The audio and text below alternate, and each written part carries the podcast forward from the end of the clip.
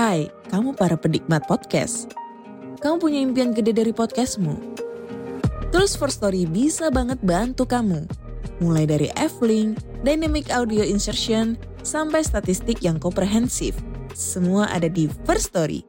Gak ketinggalan kamu bisa monetisasi podcastmu lewat iklan dari First Story Ads yang bisa kasih kamu penghasilan dari setiap place podcastmu. Yuk gabung sekarang dengan klik di firststory.me. Sekali lagi, klik di firststory.me. Mari kita bawa mimpi podcastingmu menjadi kenyataan. Hello? Hello? Podcast Network Asia. Lisir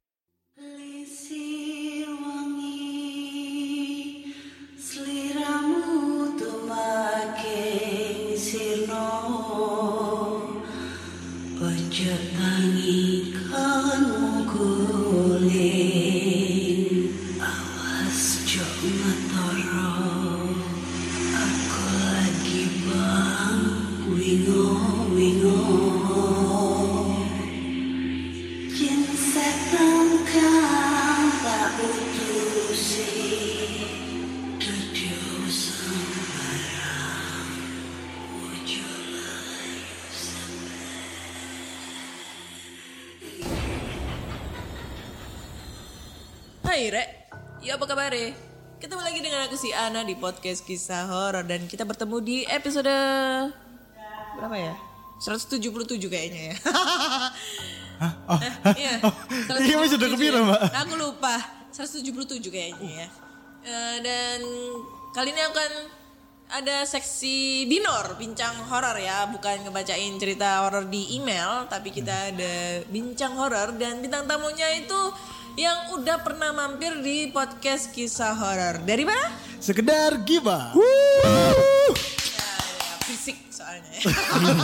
Kita coba berdua tapi. Nah, kalau di sesi binor pasti jelasnya kita bakal eh, ini bercerita tentang pengalaman-pengalaman horor dari bintang tamu nih ya. Kalau dulu kan kita udah eh, di episode sebelumnya sama sekedar gibah itu dari Mas Punja, Pujangga Iya. ya. Itu dia cerita tentang pengalamannya waktu KKN ya. Iya. KKN Desa Penari nih. Filmnya baru Oh tayang. iya. Dapat rating negatif. Sa- Saya belum nonton. Kalau Sandy kan ceritanya tentang pengalaman bapuyutnya itu Seorang jadi dukun. seorang dukun ya, ya itu gak penting. Bangsat. Tapi gue aja gak penting sih kayaknya sebetulnya. Karena dia bukan bah saya. Iya sih. iya kan? Heeh, Nah, itu. So, buat teman-teman nih, ada nggak nih pengalaman horor lainnya? Karena kan Ah, Kemarin kan udah cerita-cerita horor nih, tapi Iya. kan kayaknya ngelihat dari eh, mukanya Mas Pujangga ini kan Kenapa dengan mukaku? Iya. Ya, Apa? pasti banyak horor banget. Horor banget. Karena aku tuh sangat tertarik dengan eh, hal kejawen. Iya. ah, ah, ah. Terus terang aku tertarik banget dengan hal kejawen dan kejawen itu pasti banyak banget eh, spiritual spiritualnya eh, klinik-klinik yang belum terpecahkan. Iya. BTW sekarang bahas kejawen aku pakai sewek loh sekarang. Oh iya, iya, oh iya baru sadar saya. Saya kira kita di sarung. Sewek, sewek, sewek, sewek. Sewek. Anti sarung Iya, saya. iya, Saya pakai sewek, sewek. Iya. Tapi ngomong-ngomong tentang kejawen, ada sih sesuatu hal yang biasanya dilakukan oleh ayah saya. Oke. Setiap malam suruh atau apa gitu. Jadi dia akan eh, membuat sudut di rumah itu dia kasih meja dan di meja itu ada sesajen, ya kan? Nah di sesajen itu itu isi eh, isi sesajennya itu unik, gak kayak sesajen di Bali dan lain sebagainya. Oke. Sesajennya itu cuma dua. Gelas air putih kembang tujuh rupa sama kue warna kuning. Kayak kue bakpao, bakpao tapi dia lurus. Tahu nggak? Eh, dia bulat-bulat bener-bener bulat. Bulat halus. Paham nggak? Bolu. Kayak bolu tapi bulat. Oh. Kayak bulat lonjong. paham, gitu. paham, paham. Paham nggak? Paham. Tinggi apa? Ke atas gitu apa? Enggak. Kayak bakpao bener-bener kayak bakpao cuma dia kecil dan dia itu bulat. Bulatnya halus bukan. Bakpao kan bulat atasnya kan dia geronjal-geronjal gitu. kan. Kayak ngembang gitu. ngembang kan. lah dia tuh bulat-bulat bener-bener bulat kayak kue bantet Kayak kue bantet. Lah itu selalu ada dua hal itu, warna kuning dan itu hilang eh, bakalan dibersihin waktu kuenya itu udah menciut sampai habis. Oh itu berarti kuenya bisa menciut ya? Bisa. Duh, eh, sebenarnya ini se- ketika aku mempelajari kejawen, sistem sesajen itu sebenarnya bukan eh, kalau dari ilmiah itu bisa diartikan sebagai makanan itu nanti bakalan habis. Iya. Makanan itu bisa habis kan. Nah, kalau orang kejawen bilangnya itu dimakan oleh eh, leluhur mereka atau orang yang dikasih sama sesajennya itu. Kita percayanya seperti itu. Tapi kalau dijelaskan secara ilmiah, itu dia memang menyusut. Kayak air itu bakal nanti habis sat sendiri loh. Terus kayak makanan itu bakal nanti habis-habis sendiri.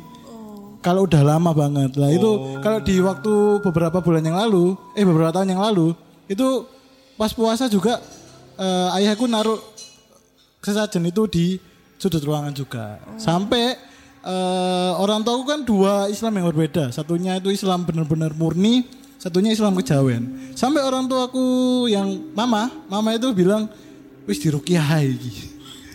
Saking dia eh, istilahnya kan ini kayak Islam nyel gitu, sedangkan kejawen kan berbeda. Eh, apalagi cara doanya pun ayah juga berbeda.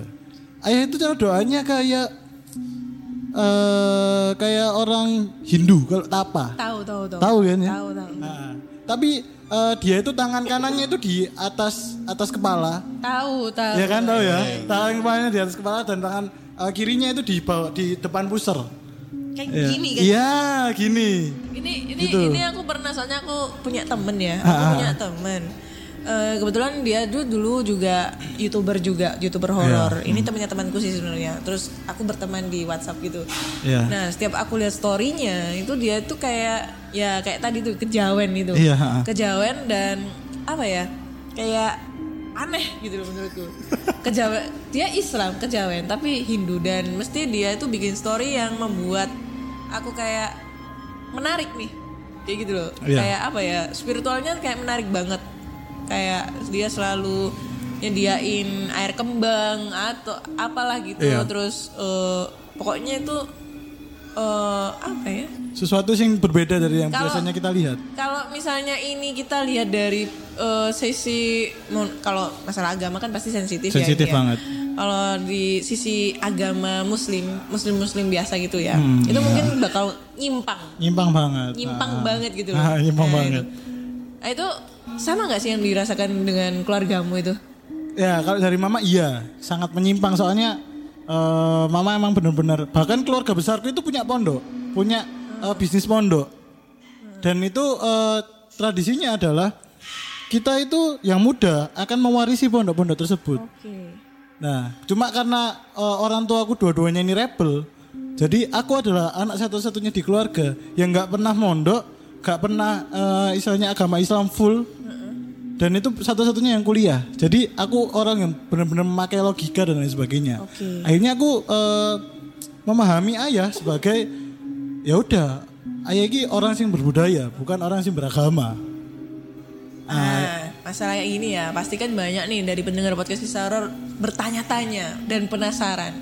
Kalau kita tahu kan eh, Islam, eh, Nasrani atau lain-lain kan dia percaya bahwa Tuhannya adalah Allah atau Iya, Allah. ya. Allah, ha. Kalau Hindu mungkin eh, sang sang Sang Hyang Widi. Kalau Buddha Sang Buddhis. Ya. Nah, kalau Islam kejawen itu untuk teorinya, itu Ah. Islam kejawen itu menganut apa? Nah, itu beda-beda lagi. Ada eh, Islam kejawen itu sebenarnya menurutku itu cuman Islam yang dia percaya sama Allah. Cuman cara percayanya itu berbeda dari kita Islam biasa. Jadi sis- eh, misalkan kita sholat nih kalau kita eh, Islam biasa kan sholat tuh untuk kita menyembah Tuhan dan lain sebagainya. Islam kejawen selain sholat dia ada hal lain lagi supaya dia bisa menyembah Tuhan. Ya kayak naruh sesajen dan lain sebagainya itu salah satu dia kita juga nyembah Tuhan. Selain itu kita juga nyembah leluhur kita. Bukan nyembah sih, menghormati leluhur kita. Jadi tetap Tuhannya ke Allah. Cuman eh, dari beberapa Islam kejawen itu dia punya kiblat sendiri-sendiri nih misalkan. Yang di istilahnya ada satu sosok nih dia yang eh, ini dipatenkan ini sosok- satu sosok yang paling saya kagumi dan lain sebagainya. Soalnya di keja, di kebudayaan Jawa kan ada yang namanya pewayangan nih. Ya. Di pewayangan kan ada titisan dewa apa, dewa apa dan lain sebagainya. Betul. Nah, kebetulan ayahku itu eh, ajarannya itu nyembah dewa Semar, bukan nyembah sih, istilahnya eh, mengagumi Semar. Ya. Semar kan itu titisan dewa. Mesem, semar mesem. Eh tapi filosofinya Semar bagus loh. Semar itu hanya menuju ke satu arah. Kalau di wayangnya dia itu hanya menuju ke satu arah, yaitu arah yang benar. Kalau temanku itu dia lebih ke apa ya? Bukan kalau nganut itu bukan sih apa ya? Pokoknya tuh dia tuh kalau setiap bikin bikin bikin story, Story, ya, ah. filosofinya tentang filosofi Gajah Mada. Oh, berarti dia eh, ajarannya beda lagi sama ada misalkan. Kan setiap ajaran beda-beda. Kalau Iya. punya aku kan kalau punya ayah bukan punya aku aku soalnya gak ikut. punya ayah itu kuncen namanya. Romo Romo apa gitu. Jadi dia itu selalu bawa sebuah benda. Ini kayak logam tapi warna emas. Gak tahu ini nasional atau enggak ya. Itu bentuknya itu kunci, ada di gagang kuncinya itu ada kembang tiga. Kayak kembang teratai. Iya, iya, Ah, kayak gitu beberapa. Ah. Serem ya? Iya lumayan. Iya, nek misalkan serem sih enggak sih. Yang lebih serem itu ketika eh, ayahku sedang melakukan ritualnya itu tadi. Aku ku pernah diajak ayah untuk waktu itu aku barusan masuk kuliah. Lah ayah itu ngejak aku bersyukur di eh, ajarannya dia. Aku udah ajaran sih, perkumpulannya dia lah. Jadi aku cuma diem di sana dan dibacain doa. Tapi itu eh sorry ya, bukannya nyinggung ya ini. Apakah ajaran itu bisa disebut dengan aliran sesat? Ah itu aku tidak berani berbicara. Sa- sa- Wah, aku kesantet ya Allah. itu kan itu kan eh, nek menurutku pribadi ya untuk disebut ajaran sesat hmm, selama aku berarti ngomong kalau ajaran sesat itu adalah ajaran di mana kamu berbeda dari orang dan itu eh, ke posisi negatif misalkan kamu membunuh orang dan sebagainya dan kamu menyebarkan hal tersebut itu menurutku ajaran sesat tapi kalau berarti kalau menurutku eh, karena pemahaman ajaran sesatku seperti itu ayahku bukan ajaran sesat Oke.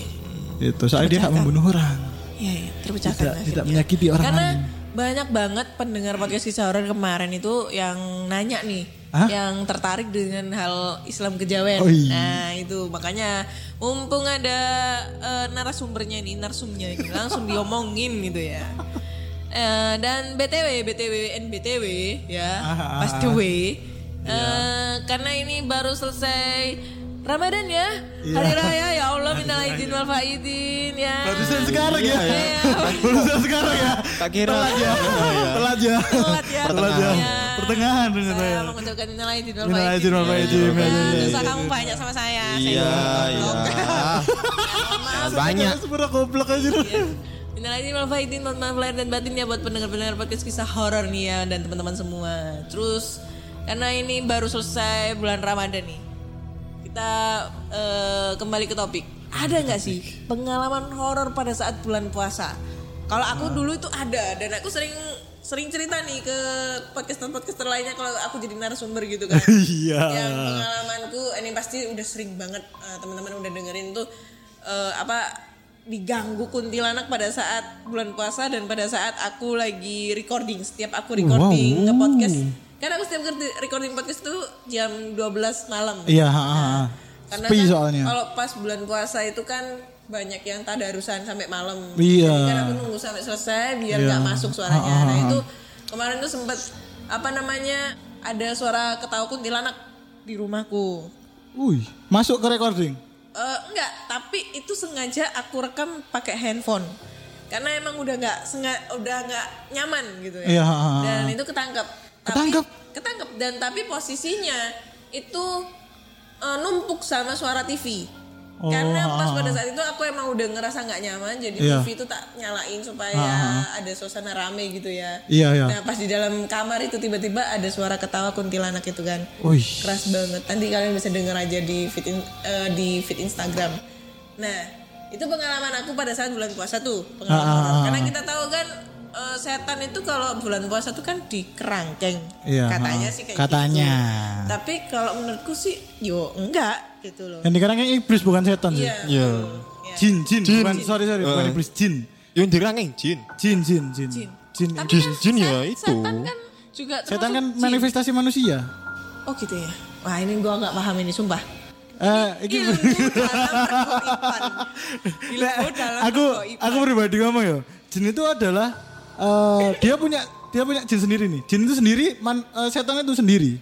Korin, Korin. Iya, gak tahu ya. Aku gak paham gak sih. Tapi Double ganger gitu tuh. double Enggak, enggak, ganger itu manusia. Double ganger itu biasanya itu genderuwo yang menyerupai. Iya. Oh, itu ada cerita tuh genderuwo lagi. Iya. Jadi kalau setahuku ya, Ah, ah, ah. eh kebanyakan kalau aku biasanya nonton YouTube-nya Sarah Wijayanto itu, Iya. nah ah, dia sering kesurupan, Iya. terus dia bermane apa itu, kayak flashback cerita dengan si hantunya itu, Ah, ah, ah, katanya itu kan eh, bukan jadi yang menjadi hantu itu adalah korinnya si manusia itu pada saat meninggal. Iya, dan dia terperangkap di alam itu. Tapi jiwanya Ah, apa eh, rohnya si manusia ini itu sudah kembali ke maha kuasa Iya. ibaratnya sudah sudah boy kumul puning kuning rokok boy puning kuning surga tapi yang yang terjerat di dunia itu adalah korinnya Iya. pada saat dia meninggal dia menyerupai dengan Orang itu. eh, orang itu korin itu kan jin jin pendamping Jin pendamping manusia. manusia. nah itu yang aku tahu Iya. nah eh apa ya aku pertanyaan Iki wis jelas tuh dong, pertanyaannya gak ada anjir. Neng ya, padahal sudah siap untuk di ngomong apa gitu Ngomong apa, Mbak? nah itulah pokoknya intinya Ah, ah, ah, ah. ada nggak pengalamanmu pada saat bulan puasa itu pengalaman horor gitu loh Nek aku sing paling ono akeh sih sebenarnya, tapi salah satu sing paling tak ingat sampai sekarang adalah suara tangisan anak kecil. wow bisa Bayi, diceritakan bayi, bayi ya. cerita Eh, waktu itu aku ngekos nih posisi, kondisinya. Ngekosku itu posisinya di tempat sing istilah dia eh, habis masuk gang ya. Dia masuk gang lagi. Jadi habis gang kecil, gang kecil lagi. Nah, kos-kosannya itu itu emang kos-kosan eh, baru. Jadi eh, baru baru baru bangunan bangunan baru lah. Dan katanya itu dia belum diselamatin. Nah, karena aku masuk dan lain sebagainya, tinggal setelah tahun kedua kalau nggak tahun ketiga puasa, itu tiba-tiba malam setelah teraweh, itu kan aku eh, mau tidur nih ambek keluarga keluargaku, ambek keluargaku berempat itu mau tidur, emang cuma satu kamar doang, jadi kosing satu kamar tok loh, Oh, langsung kamar gitu.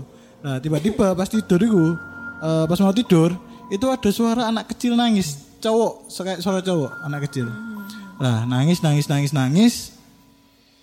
Terus tuh eh, nangisnya berlangsung selama 15 sampai 18 menitan lah, kayak lumayan lama lah. Lama banget ya itu Lama lama, lama. Eh, tapi yang denger itu cuma yang gede-gede toh. Aku, eh, mama sama ayah. Adik-adikku itu santai-santai aja. Padahal adik-adikku kecil-kecil loh kan. padahal biasanya tuh yang paling sensitif dia. Nah, itu. Adikku eh, kecil-kecil sensitif. Eh, eh, kecil- kecil-kecil malah nggak nggak denger. Ya, oke oke Lah, setelah ditelusuri lagi, eh ada adikku ku, waktu setelah kejadian kejadian itu dan setelah dan sebelumnya itu ternyata ada adikku kita sadari bahwa ada adikku kayak eh, berteman dengan seseorang yang tidak terlihat. Jadi Teman- dia itu teman imajinasi iya kayak teman ini sebenarnya soalnya dia nggak pernah keluar. Jadi oh ya pernah keluar cuman mainnya itu bentar toh dan lebih sering main di rumah main sendiri. Dan dia itu kayak ngomong sama orang.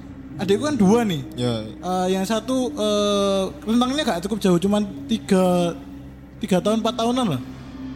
Mereka berdua ini kayak mainan sama orang lagi satu. berdua berarti dengan satu. Bertiga. Enggak, maksudnya berdua yang adik Iya, itu berdua. berdua. Ah, itu akhirnya kayak oh ternyata suara anak kecil ini adalah suara temannya mereka ini. Oh, berarti mereka ya wajar aja untuk mendengarkan Ah, seperti itu. Iya. Ternyata bukan mereka nggak dengar, tapi mereka oh iki koncoku lagi ngomong. Heeh. Oh, ngomong. Nah, kan mereka eh, waktu itu masih kecil kan, istilahnya kayak Iya, iya. belum ngerti lah istilahnya. Nah, ke- kemarin-kemarin gue cerita nek ternyata itu temennya DE dan temennya itu aku gak bisa keluar dari situ.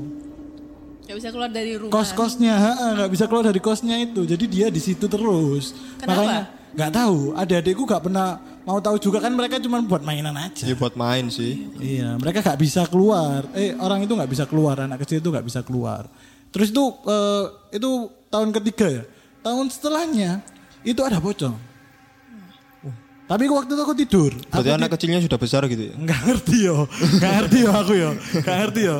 Eh, tahun selanjutnya aku ada pocong. Tapi waktu aku, aku diceritain sama ayahku ini. Ayahku kan kejawen nih.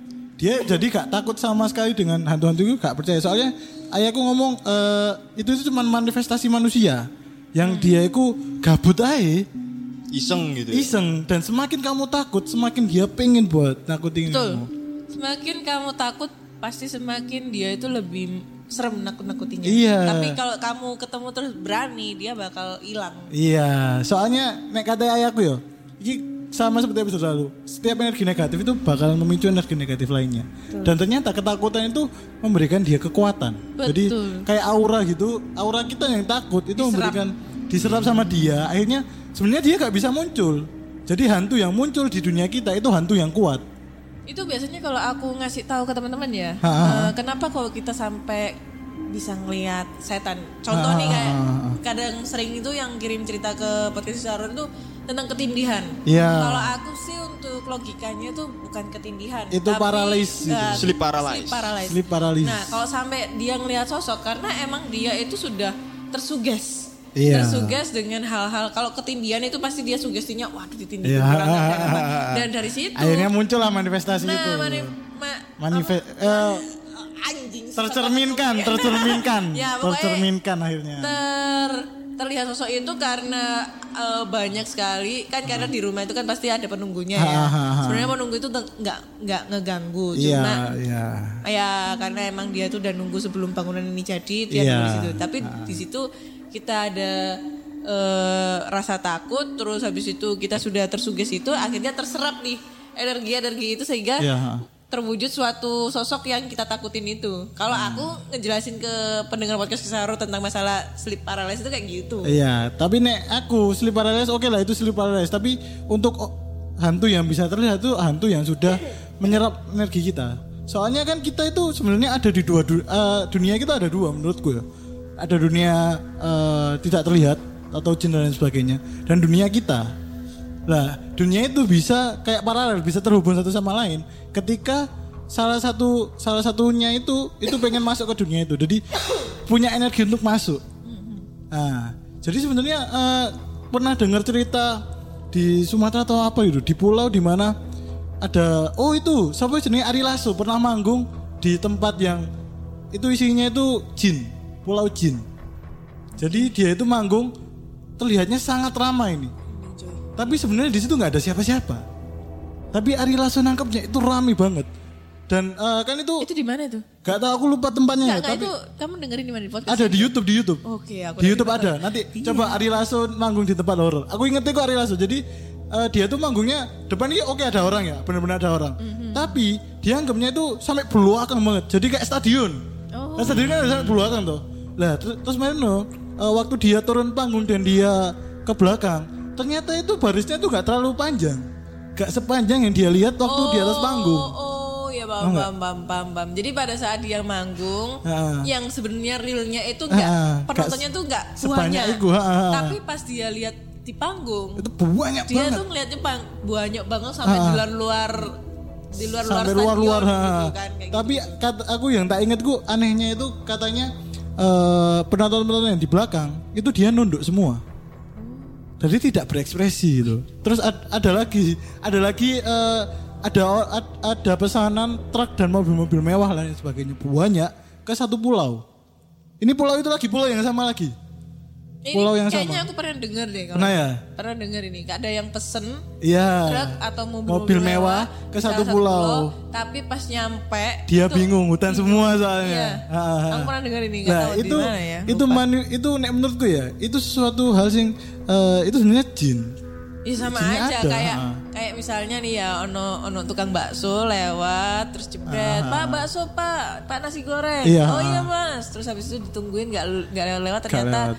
Pas dicek ternyata rumah Kosong kayak gitu. Sebenarnya sebenarnya itu eh, hantu-hantu yang dia eh, semakin kita percaya hantu itu ada, semakin dia punya energi untuk ada. Kayak gitu. Kayak rumah hantu Dharma sebenarnya kan dia nggak menyeramkan awalnya. Cuman karena kita yang berpikiran oh ada yang menyeramkan di situ. tapi menurutku nggak menyeramkan Nah, iya, Iya. dulu mbak, dulu Karena dulu udah banyak yang mikir. banget udah Oyo, Oyo apa? Oh ya gratis. itu, itu sebelum ada Oyo Oh Makanya belum ada. Ke situ kan. eh, ke situ jadi pas saat aku explore menemukan kondom nemuin nemuin apa Nemuin namanya apa?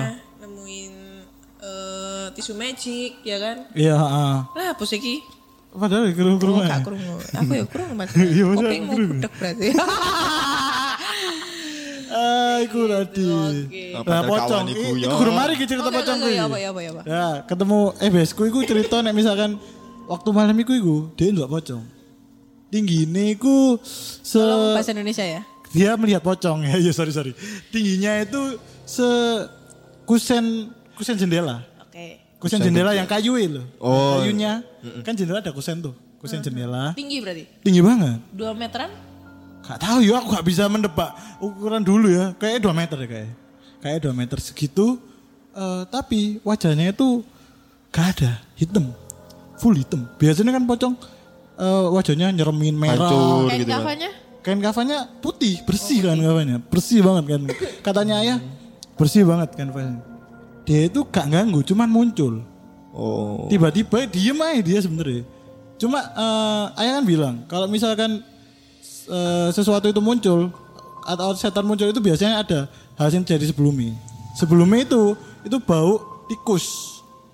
Batang tikus. Kalau pocong itu kehadirannya kata ayah, kehadirannya itu ditandai dengan bau batang tikus. Batang tikus. Relate. Lihat ya. Gue pernah ngalamin ini. Jadi gue dulu pernah explore di salah satu yang kita explore itu loh Sen, Yang di mana? yang TK terbengkalai. Oh, oke oke. Ah, Itu itu sebelum aku explore sama Sandy ya. Ha. Aku explore sendiri itu. Iya. Kebetulan bertua sih sama temen gue, tapi temen gue nunggu di, Di luar. luar karena nunggu nungguin motor gitu kan. Ah. Jadi aku pernah explore di sana. Terus sebelumnya itu eh explore sebelumnya youtuber-youtuber sebelumnya itu pernah bilang kalau dia pernah nyium bau bangkai. Hmm. Iya, bangkai tikus Nah, dan sebagainya. akhirnya waktu itu aku explore ke sana, jujur itu agak merinding buat aku ke sana ya, karena di situ banyak banget interaksi suara. Aku nggak bisa oh, ngeliat. suara. Apa-apa contohnya? Eh, ada kayak suara apa ya, kayak orang Jalan. srek, Oh, jalan, srek gitu. Aku pikir tikus. Oh, Terus itu menuju ke kamar mandi. Pas aku cek di kamar mandi itu nggak ada apa-apa, kayak maksudnya koran atau plastik atau apa mungkin digeser sama tikus Ah, kan. Tapi itu nggak ada apa-apa, pure kosong. Uish. Nah, di situ inget nggak yang ada tandon? Ya, ya, ya. Yang apa di luar di luar rumah lah. Iya, Eh, di luar rumah di di belakang. Karena eh, ini dapur, sampingnya itu tandon, terus depannya itu kayak ada pohon. Pohon tum agak tumbang nggak sih itu? Pohon Enggak, apa enggak. itu? Mangga, mangga atau jambu atau apa aku, aku lupa terus di bawahnya tuh ada batu nisan satu tok. Wih. Tapi dia iku. polos batu nisannya, nggak ada tulisannya. Oh, ha, ha, Nah, ha. katanya itu yang kecium bau bangkai itu di daerah, Daerah tandon situ, itu. Tandon. Karena aku penasaran, aku datengin di situ, terus aku cek-cek, pertamanya nggak kebau, nggak bau, nggak bau, nggak nyium bau bangkai. Iya. Tapi pas di sebelahnya tandon itu dosen yang rumahnya Iya. yang agak roboh itu, si ngatepnya. Nah itu aku masuk situ, itu kecium bau bangkai. Dan itu sempet aku cek sekeliling mungkin kan ada ada ba- eh, bangkai Bau, tikus atau iya, apa, tikus, cicak ah. atau apa gitu. ah. Itu nggak ada cuy. Gak ada sama sekali ya. Nah, nggak Itu ada. Tapi pemikiranku bukan pocong. Tapi? kuntilanak. Kalau Oh, Kalau kuntilanak itu melati. Bau melati. Melati, Tapi kuntilanak. melatinya bukan bau sing iki spesifik iki nek kuntilanak. eh, eh jujur ya, merinding. Nek nek kuntilanak spesifik. merinding dia. nek kuntilanak iku spesifik ngene. Melatinya iku melati sing baru kuncup. Oh Ya iya. Lebih kayak Dia iku bau iku bukan wangi, cuma bau melati. nyenget sih. Nyengat. Ya, eh, nyenget. Makanya aku paling nggak suka sama parfum melati karena itu sing disukai kuntilanak. Kuntilanak ada dua aku suka nih. Melati sama orang yang sisiran di depan kaca. Eh tapi btw aku pernah loh Iya kan? itu. Iya, Tapi tapi nggak nggak muncul. ngefek, nggak Nggak ngefek. efek. Karena Jujur yang- per, aku takut loh buat sisiran di depan kaca. Beneran nih. Enggak, sisirannya itu Sisirannya katanya khusus. Oh. tengah malam, tengah malam tapi disinarin pakai lilin, Iya. lilin satu. Oh. Jadi Jadi gelap memadang di depan kaca lilin. Berarti Oh, random-random sisirin Nah nggak itu aku apa-apa ya. pernah, aku pernah yang aku pernah cerita tuh Ganya, Iya, gimana ah. caranya kita bisa ngeliat hantu. hantu. Nah salah satunya aku pernah ngelakuin gitu tapi gak ngefek sih. Iya. Mungkin karena mungkin aku Karena cewek kan kuntilanak kan cewek nggak Enggak, suka kan. mungkin karena aku kurang kurang peka Iya, atau ha. mungkin karena katanya kan kalau orang yang terlalu tidak percaya itu biasanya susah untuk Nah, memunculkan. dia akhirnya mereka nggak punya energi. Iya. Jadi nek sing tak tangkap itu adalah menurut pemahamanku, setiap benda itu dia punya Penunggunya. rekaman, bukan munggu. Enggak enggak rekaman Rekaman. rekaman Rekaman, spiritual. nah, rekaman spiritual. Dan Iya. butuh sebuah energi untuk menampilkan rekaman spiritual tersebut. Nah, itu alasannya kenapa aku suka banget explore tempat Ah, terbengkalai, tapi iya. di dalamnya masih banyak barang-barang. Barang-barang asli dari situ. Iya, betul. Ah, sekarang udah Om Ho bilang di Deddy Kobuser, udah ada teknologi di mana kita bisa melihat kembali rekaman masa lalu itu energi. Oh ya? Iya katanya Ho eh, ada, udah ada katanya. Eh, di di podcast Deddy Kobuser. Soalnya aku emang seneng ambil Om Ho kar- karena nampak tilas ya kan. Aku emang seneng nampak tilas kan. Aku seneng, aku senengnya waktu dia collab sama Raditya Dika. Ah, iya iya. Raditya aku nek aku sama si Dodit. Dia sing langsung ke tempatnya itu loh. Dan dan makanya di Raditya Dika itu dia pernah cerita yang dia pakai baju dokter. Ha, ha, ha. Dia habis eh, apa namanya eh, explore di rumah sakit Mardi Waluyo dan Iya, itu aku sudah pernah explore ke sana. Tapi biasa. Ya serem, Serem. serem. Cuma aku nggak bisa ngelihat, nggak bisa Ya, mungkin nampak. karena Cuma nggak peka aja. Iya, cuma ngedengar suara kayak orang sakaratul maut Iya, itu nafas dan nafas dan kalau dibilang sebagainya. makanya eh, hal menurutku yang paling serem untuk didatengin adalah bangunan rumah sakit sama bangunan yang di dalamnya masih banyak barang-barangnya. Itu menurutku horor banget. Nah aku paling serem waktu ngumbah keris sih. Nyuci keris itu paling serem sih. Soalnya kan eh, Banyak pantangan ya. banyak pantangan pertama, kedua, wah tapi seru untuk dilakukan. Soalnya eh, karena kan masih sering untuk nyuci keris kan. Di di ayahku masih sering nyuci keris. Jadi aku kadang-kadang ya ikut nyuci. Terus aku ya juga tahu tradisi-tradisi gitu-gitu. Tapi aku paling serem waktu memang nyuci keris. Biasanya tuh bulanku rasanya kayak berbeda dari biasanya. Itu biasanya malam suro ya. Bener, malam satu suro. Malam satu suro itu biasanya setannya lu brutal. Katanya. Party, pestanya party. Katanya, katanya. Biasanya kan kalau malam satu suro tuh banyak yang nyu- nyuci keris, banyak Ya, yang nyuci gamelan juga. berendam berendam di petil, petilasan, petilasan, kayak gitu-gitu ya. tujuh rupa, mandi, mandi tujuh rupa itu sering itu. Nek aku, nek aku mentok itu paling mentok aku melakukan tradisi itu eh, tapak tapak ibu kalau salah. Tapak ibu itu kita dilangkai ibu tujuh kali. Oh itu aku tahu. Itu Ya, emang, tahu kan. emang di desa-desa tuh pasti Iya ada. pasti ada kan. Nah aku mentok itu di situ sama eh, apa ya mandi kembang nggak pernah. Oh itu pulpen, pensil dan sebagainya dimasukin di air kembang. Biasanya tuh kalau tapak ibu itu kalau aku sih bilangnya bukan tapak Langkah ibu. ibu sih, Langkah sorry, sorry. ibu itu Langkah biasanya ibu. pada saat kita mau Melakukan merantau. sesuatu. Oh mela- Iya, merantau. merantau biar selamat atau apa itu dilangkain ibunya. Iya, ha, ha. Terus kemarin ya eh, kemarin itu aku apa temanku kan ada yang meninggal. Eh bukan temanku, ibunya men- temanku ada yang meninggal. Iya. Terus sebelum dibawa dibawa disolatkan, Iya. dibawa ke masjid, itu anaknya disuruh ngelewatin di bawah kerandanya ibunya itu supaya Ah. nanti ibunya bisa eh apa namanya tenang di alam sana kalau Hmm. sama eh, dosa-dosa anaknya itu bisa diampunkan sama Iya, ibunya. Iya benar benar benar. Nek dosa biasanya itu sih minta maaf ke ibu itu nyuci nyuci Kakinya. kaki terus diminum. Ya, nah ini kan posisi posisinya ibunya sudah meninggal. Oh, Gitu. ah, Jadi ah, ngelewatin nunduk di bawah kerandanya gitu. Ah. Jadi gitu. Kemarin sih aku pas lihat. Jadi itu sebenarnya momen yang baru aku tahu dan Oh iya. Heeh, baru tahu sih aku itu waktu kemarin orang tuanya temanku meninggal itu. Oh. Itu guys. Sam eh, itu kalau eh, naruh apa gue udah naruh sih istilahnya ngasih ngasih tanah terakhir sampean masih relate nggak sama itu ngasih tanah terakhir waktu meninggal orang tuanya meninggal Itu sih masih masih relate ya ma- masih relate sih masih banyak yang aku lihat sih. Jadi Masih kayak banyak. kita ngelimpar tanah terakhir kan. Oh enggak, dia eh, tanah terakhir tuh ditaruh di bukan lempar ditaruh di sudah selesai semua itu dia yang naruh tanah terakhir. Terus dia kayak mejem eh, kayak doa di situ. Nggak tahu aku. Enggak tahu ya? Nggak tahu. Nek, aku pernah lihat itu mentok sampai dia tapa. Jadi tan- tanah terakhir sambil tapa.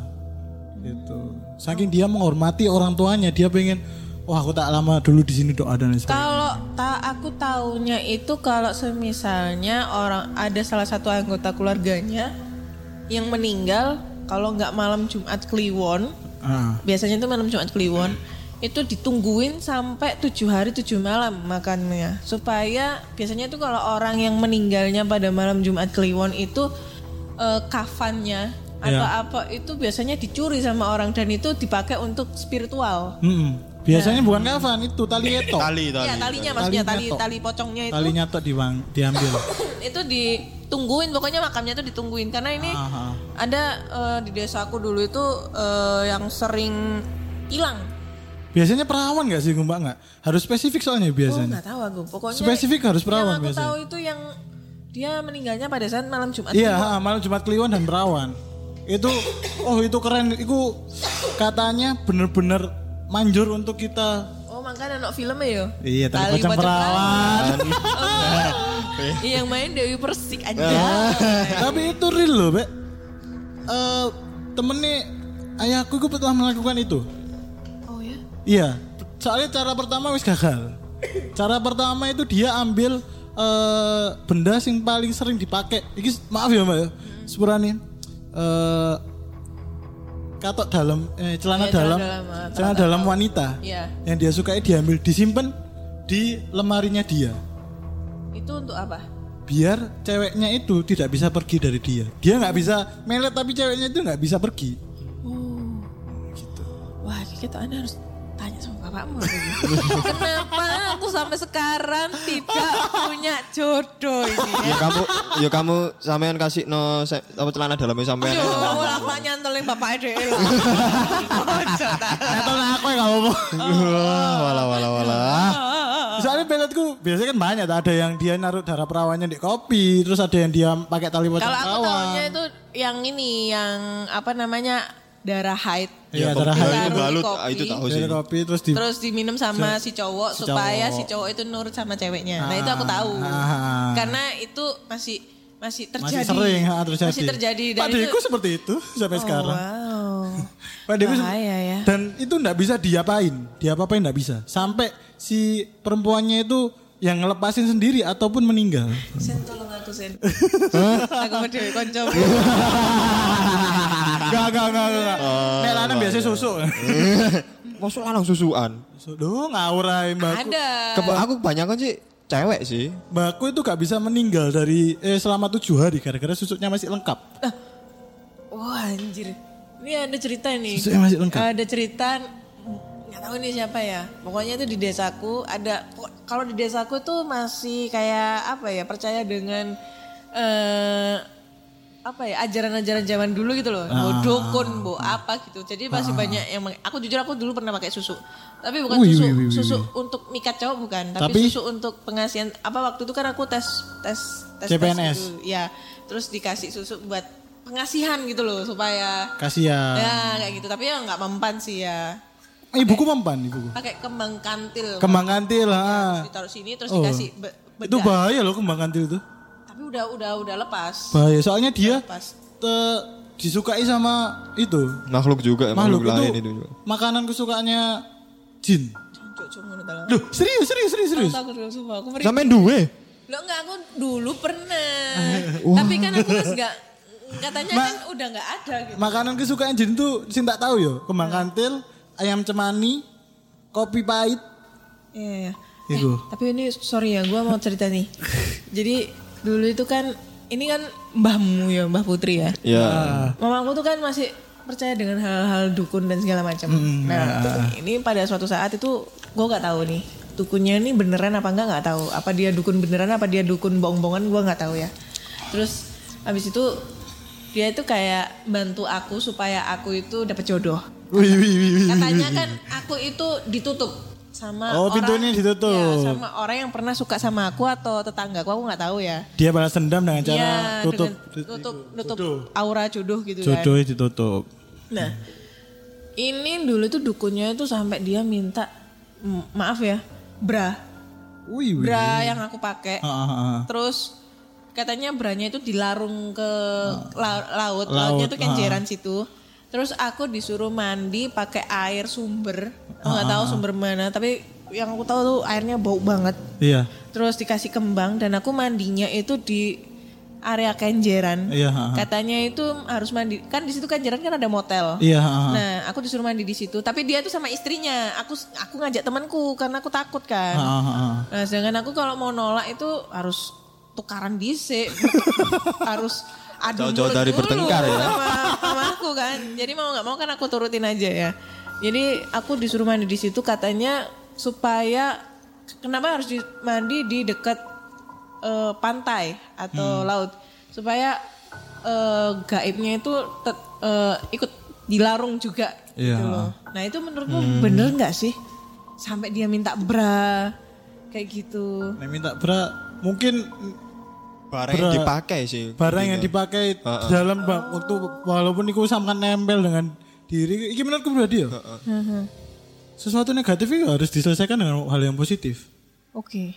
nah ketika pintu jodoh itu tutup ya kembali ke Tuhan bukan kembali ke negatif lagi Makanya sholat. Duh enggak, ada caranya, ada amalan. Oh, ada caranya.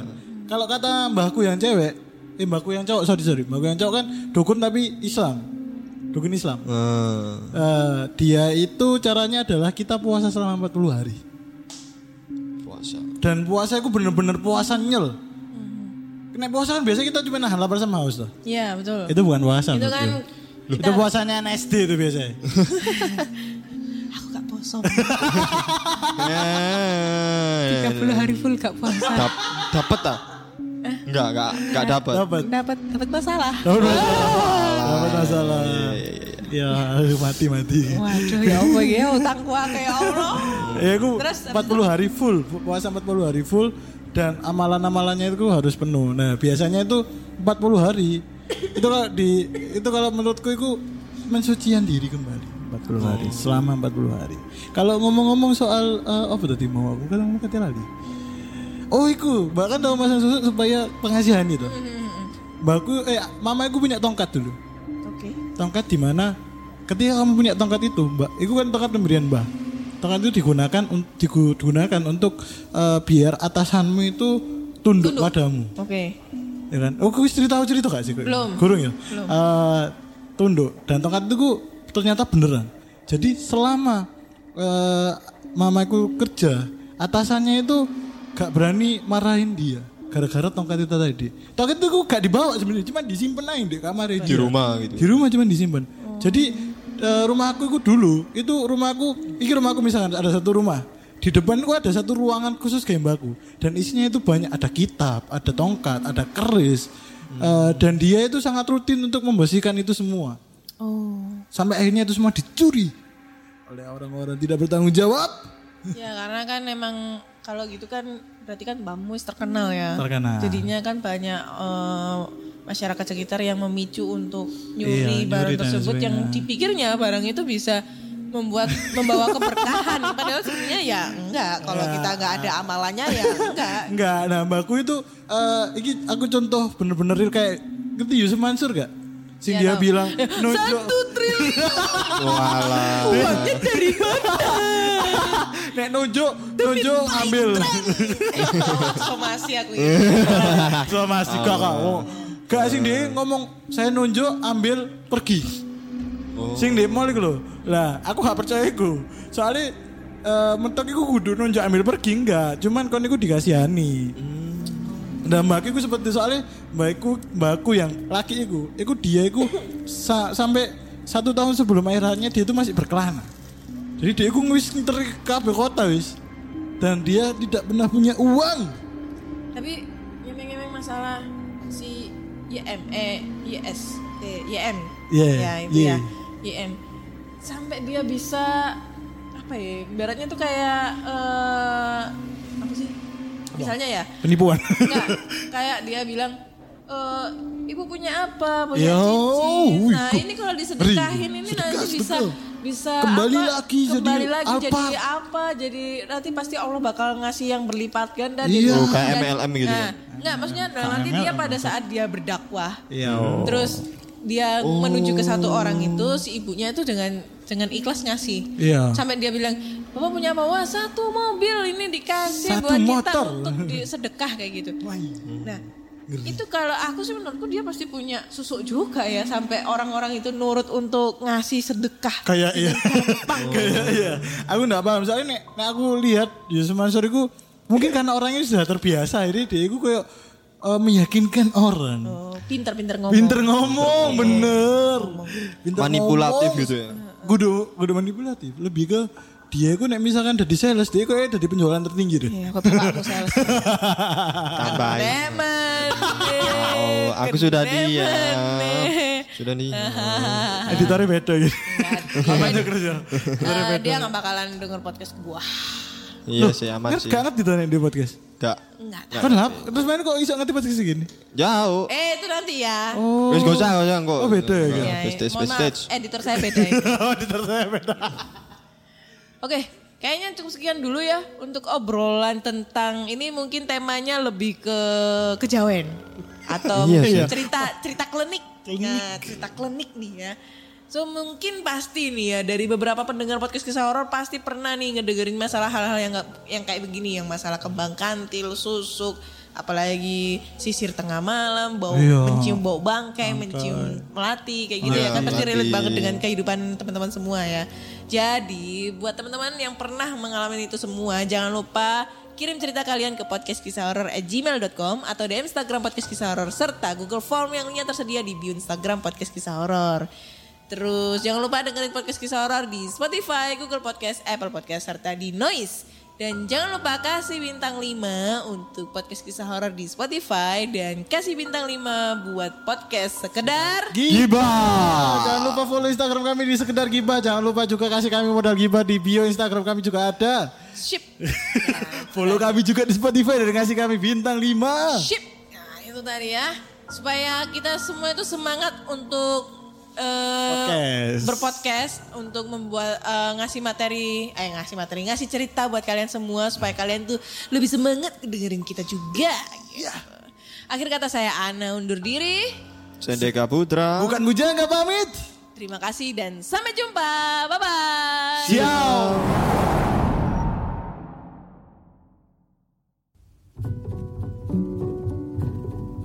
Pandangan dan opini yang disampaikan oleh kreator podcast, host, dan tamu tidak mencerminkan kebijakan resmi dan bagian dari podcast Network Asia.